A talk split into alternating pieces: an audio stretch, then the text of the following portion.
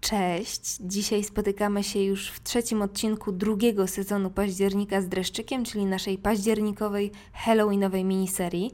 Dzisiejszym tematem słuchowiska są teorie spiskowe, które ja osobiście kocham nad życie. W ogóle uważam je za, za znacznie straszniejsze momentami od historii o duchach, bo pomimo tego, że w większość ciężko uwierzyć, e, to jednak myśl o tym, że być może jest inaczej niż nam się wszystkim wydaje i inaczej niż się od dziesięcioleci, czy nawet stuleci, czy nawet tysiącleci przyjęło, jest zastanawiające, intrygujące i co za tym idzie, budzące dreszcze. No a przecież na tych dreszczach właśnie w te deszczowe dni zależy nam najbardziej.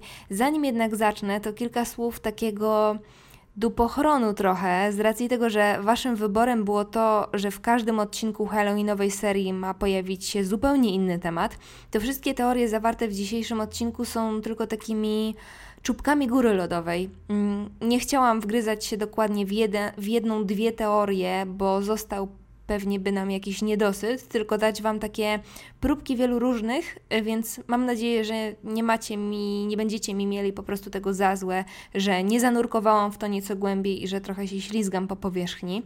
Zachęcam Was serdecznie do własnych poszukiwań, jeżeli jakaś teoria zaintryguje Was nieco bardziej. No i co? I zaczynamy. Zatem pierwszą teorią, którą weźmiemy sobie dzisiaj na warsztat, jest chyba moja ulubiona i taka w którą niby nie wierzę, ale jednocześnie jakoś nie umiem machnąć na nią po prostu ręką. Mówi ona o tym, że żyjemy w symulacji, bo generalnie odbieramy świat tylko określonymi zmysłami, prawda? Mamy węch, który odpowiada wyłącznie mm, na zapach, dzięki wzrokowi widzimy, dzięki słuchowi słyszymy itd., tak itd. Tak Zakres jest, jakby na to nie patrzeć, ograniczony. A co jeśli, co jeśli poza tym, co widzimy, czujemy, słyszymy, jest coś jeszcze? Bo wszelkiego rodzaju mm, narzędzia do badania naszego świata, nie wiem, mikroskopy, stetoskopy, nawet zwykłe okulary optyczne, bazują wyłącznie na tych zmysłach, które posiadamy, czyli tę naszą rzeczywistość w pewien sposób filtrują, tak? Mm, tak jakby ktoś nadał nam te funkcje w taki sposób, żebyśmy kupowali w 100% to, co widzimy, czujemy, słyszymy, bez podważania tego obrazu rzeczy. I teraz, i teraz podzielę się z Wami taką rozkminą, którą mam w głowie już od jakiegoś czasu, jest super głupia, ostrzegam. Co jeśli tak naprawdę jesteśmy grą na czyimś komputerze? Pomyślcie o tym. Pomyślcie na przykład o takich Simsach. Wiadomo, że to, to jest mm, tylko gra, tak? Że, że postaci są ograniczone, w zasadzie bezwolne, ale jednak ta sztuczna inteligencja, inteligencja jest coraz bardziej zaawansowana. Już teraz pracuje się nad tym, żeby stworzyć w nieożywionym wirtualnym świecie jakiś zalążek wolnej woli. Więc teoretycznie nie jest to niemożliwe. Co jeśli gdzieś w równoległej rzeczywistości taka technologia już istnieje? Mnie na przykład myśl, że to wszystko, co nas otacza, co istnieje, co widzimy, co znamy, jest wymysłem jakiegoś, nie wiem, gimnazjalisty z innego wymiaru, który właśnie sobie wcisnął przycisk światowa pandemia. Jest, yy, dla mnie to jest tak samo zabawne jak straszne, chociaż chyba bardziej mnie bawi. Po prostu o tym pomyślcie. Na przykład, co jeśli istnieje tylko to, na co patrzymy, tak jak w grze w symulacji, że po prostu to, na co patrzymy, się buduje w tym momencie i to, jak to widzimy, jest podyktowane bardzo ograniczonym aparatem naszych zmysłów, a poza tym jest jeszcze zupełnie inny świat, albo to, co widzimy, tak naprawdę jest zupełnie czym innym. Tyle pytań, tak mało odpowiedzi. Ja, ja nie chcę za bardzo w ten temat się wkręcać, bo coś pomieszam, pewnie już pomieszałam. Jakiś fizyk, który trafi przez pomyłkę na mój podcast, uśmieje się po pachę. Lecimy dalej. Kolejna teoria dotyczy określonego miejsca, a dokładnie lotniska Denver, Colorado i gdzieś nawet wspomniałam o tym na Instagramie i wszyscy przybili mi piąteczkę, że to jest taki klasyczek, bez, których, bez którego teorie spiskowe nie mogą się obyć. Przypuszczam, że ta sprawa może być mniej znana polskim słuchaczom i słuchaczkom, zwłaszcza tym, które, którzy nie są e, wkręceni w teorie spiskowe, ale w Stanach to bardzo, bardzo znana rzecz. Dotyczy lotniska, które ponoć jest siedzibą tajnej organizacji. No i powiecie pchi, ale naprawdę zachęcam Was do wpisania hasła lotnisko Denver w Google Grafika. Jest po prostu prze, prze, prze, prze, prze dziwne. Przede wszystkim e, w odróżnieniu od większości lotnisk, yy, które wyglądają w bardzo określony sposób, jest tam dużo sztuki.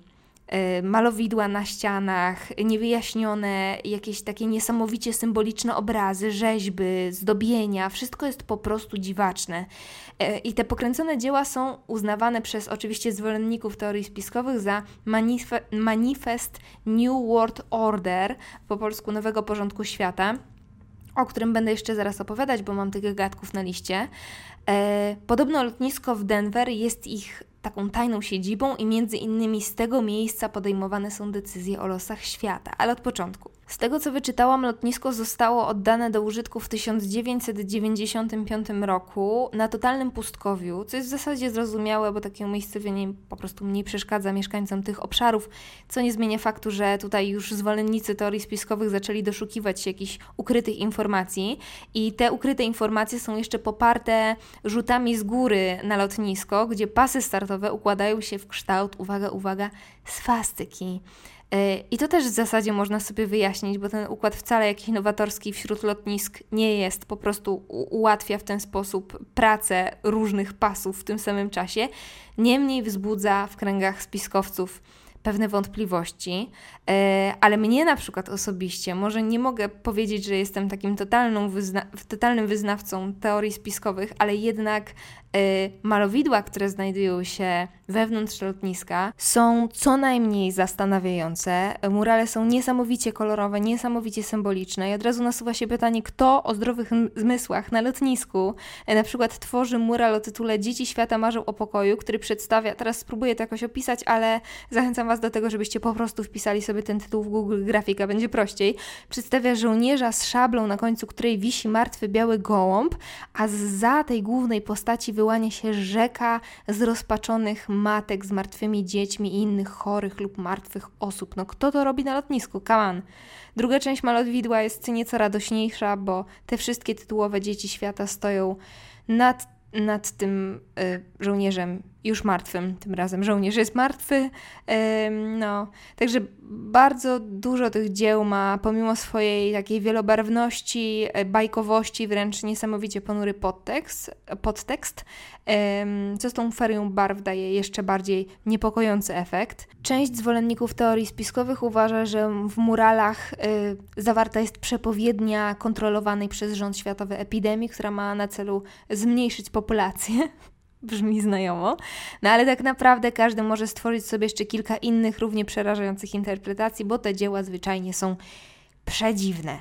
W ogóle całe lotnisko naszpikowane jest y, super, super dziwnymi symbolami, od y, wyrwanych z kontekstu tajemniczo brzmiących słów na posadzkach, które w rzeczywistości są słowami z języka rdzennej ludności tamtych terenów, e, ale po co, po co psuć zabawę, y, po tablice z symbolami masońskimi.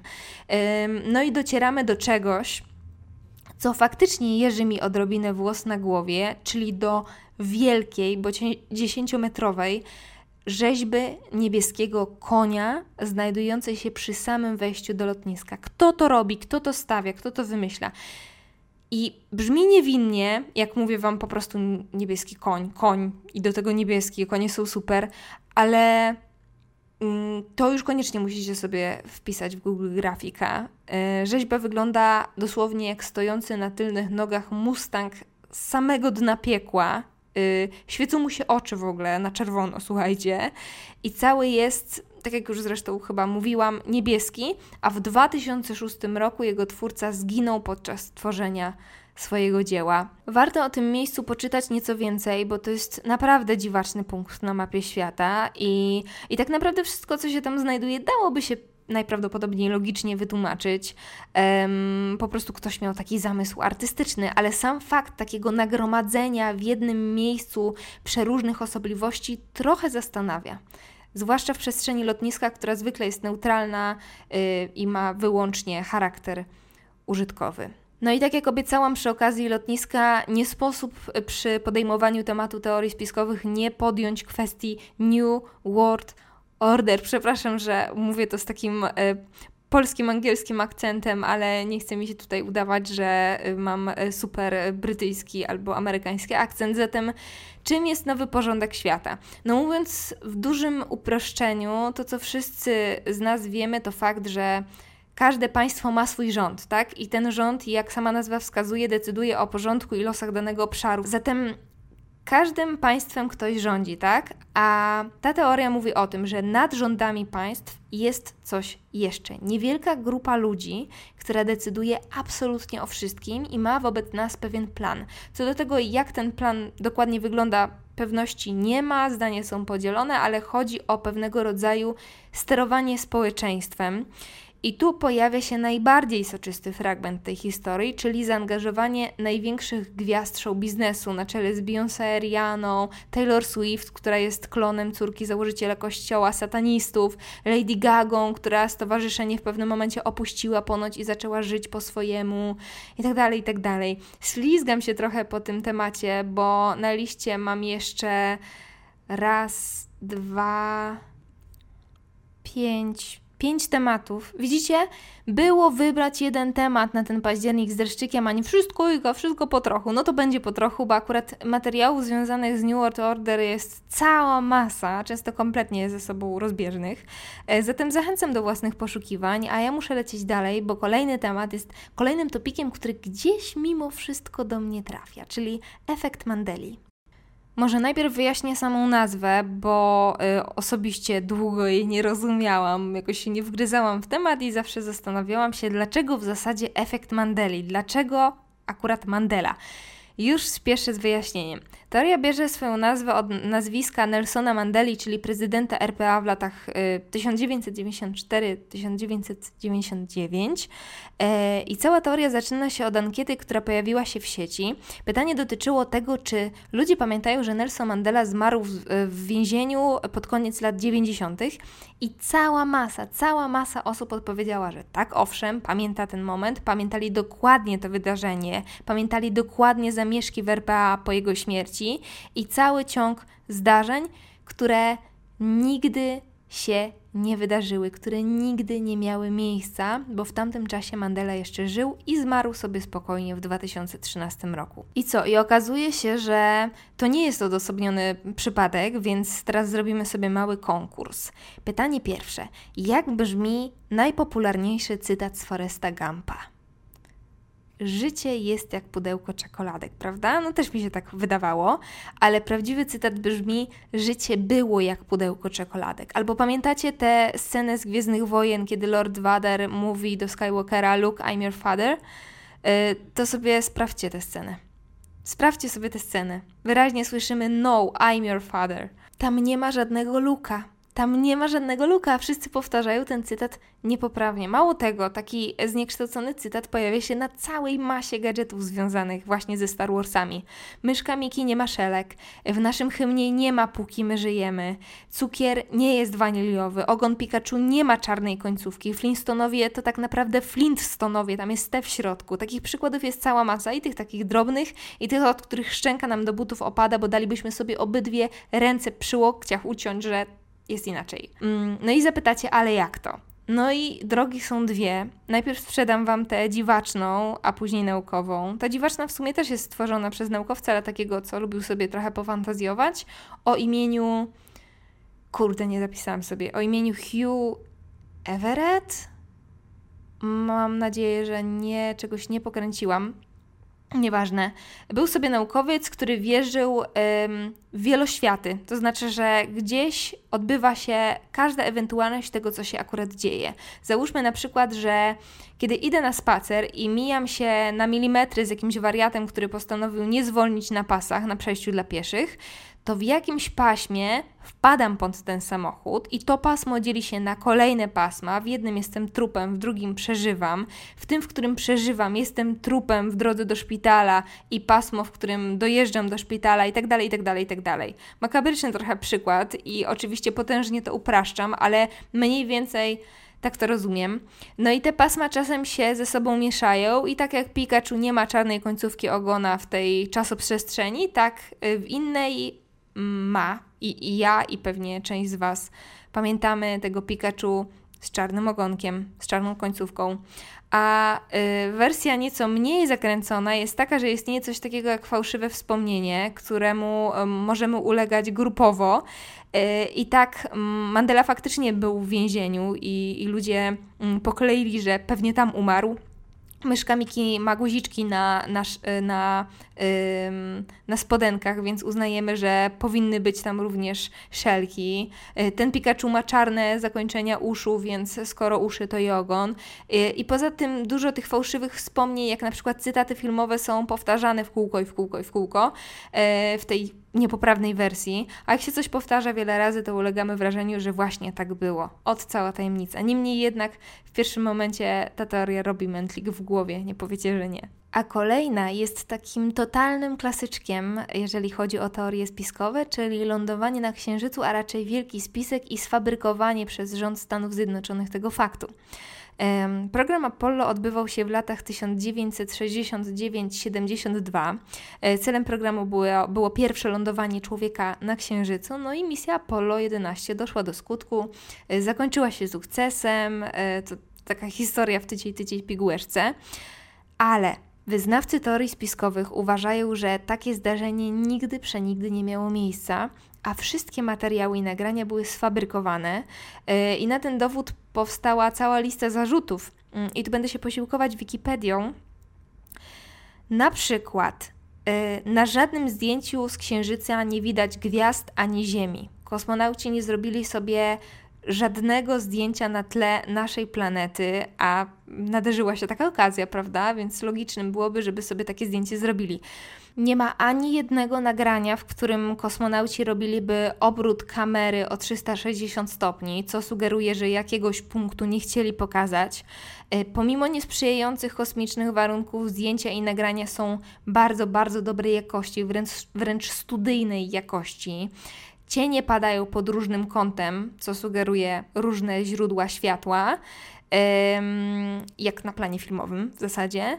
E, flaga powiewa w, w ziemski sposób, e, czyli tak jakby ktoś po prostu dmuchał na nią dmuchawą i tak dalej, i tak dalej, i tak dalej. Oczywiście e, na wszystkie zarzuty jest logiczne naukowe wytłumaczenie, co wcale nie zmienia faktu, że istnieje bardzo duża, zdziwilibyście się, jak duża grupa osób, która wierzy w to, że takie zdarzenie nigdy przenigdy nie miało miejsca, a film powstał w studio filmowym tylko po to, żeby wyprzedzić Rosjan w wyścigu o, podwój, o podwój, podbój kosmosu. E, no i widzicie, tak to wygląda. Temat płaskiej Ziemi też jest wdzięczny i gdzieś mm, jest pokrewny do tematu lądowania bądź nielądowania na Księżycu ale postanowiłam go ominąć i polecić Wam przezabawny dokument Płaskoziemce na Netflixie, który w zasadzie w pewnym sensie w ogóle tłumaczy, dlaczego ludzie w teorie spiskowe wierzą. Do tego ostatniego jeszcze sobie wrócimy. Kolejna teoria jest nieco bardziej mroczna i dotyczy tego, że Avril Lavigne, gwiazda wczesnych lat 2000 i moja osobista idolka, strasznie lubiłam jej piosenki, nie żyje. E, wszystko zaczęło się od tego, że Avril, która była taką ikoną buntu, oczywiście takiego mainstreamowego buntu, takiego mainstreamowego punku, ale była jednak czymś kompletnie innym niż się widziało dotychczas na e, scenie. E, po dłuższej przerwie wróciła do show biznesu i wystąpiła w bardzo, bardzo cukierkowym wydaniu. Oczywiście internauci porównali jej zdjęcia z przeszłości y, i zdjęcia z teraz, odmierzyli różne wymiary na jej twarzy, no i okazało się, że to jest inna osoba. Oczywiście ja bym powiedziała, że gdyby poruszać się tym kluczem, to Kylie Jenner też nie żyje, ale, ale od początku. Podczas pracy nad albumem Let's Go zmarł dziadek wokalistki. Ludzie to polepili e, z wytężoną pracą nad płytą, skrajnym zmęczeniem i w efekcie depresją, która rzekomo miała pchnąć Avril Lavigne do samobójstwa. A że moja idolka z dzieciństwa była bądź co bądź na tamte czasy kurą znoszącą złote jajka, to postanowiono, i tu opcje są dwie, albo odnaleźć jej sobowtóra, sobowtórkę w zasadzie, albo sklonować. I ta historia o sobowtórce w tym wypadku jest nieco ciekawsza, bo pojawia nam się postać e, Melisy Wandeli, mam nadzieję, że nie przekręciłam, i to właśnie na nią patrzymy obecnie. Ta, ta osoba, która podaje się obecnie za Avril Lavigne jest Melisą.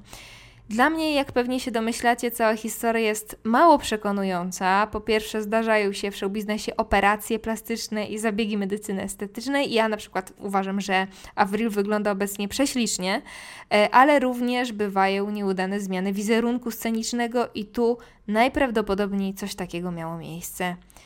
I nie zmienia to faktu, że istnieją ludzie, którzy wierzą w śmierć artystki. Podobnie zresztą sprawa się ma z Britney Spears i kilkoma innymi gwiazdami. To jest bardzo popularna teoria spiskowa y, w Hollywood.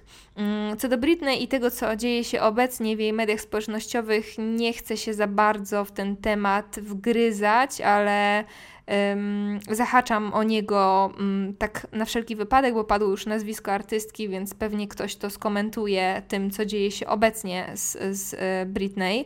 E, to jest faktycznie wszystko bardzo, bardzo dziwne, ale ja mimo wszystko obstawiam chorobę psychiczną i uważam, że trzeba dać temu spokój.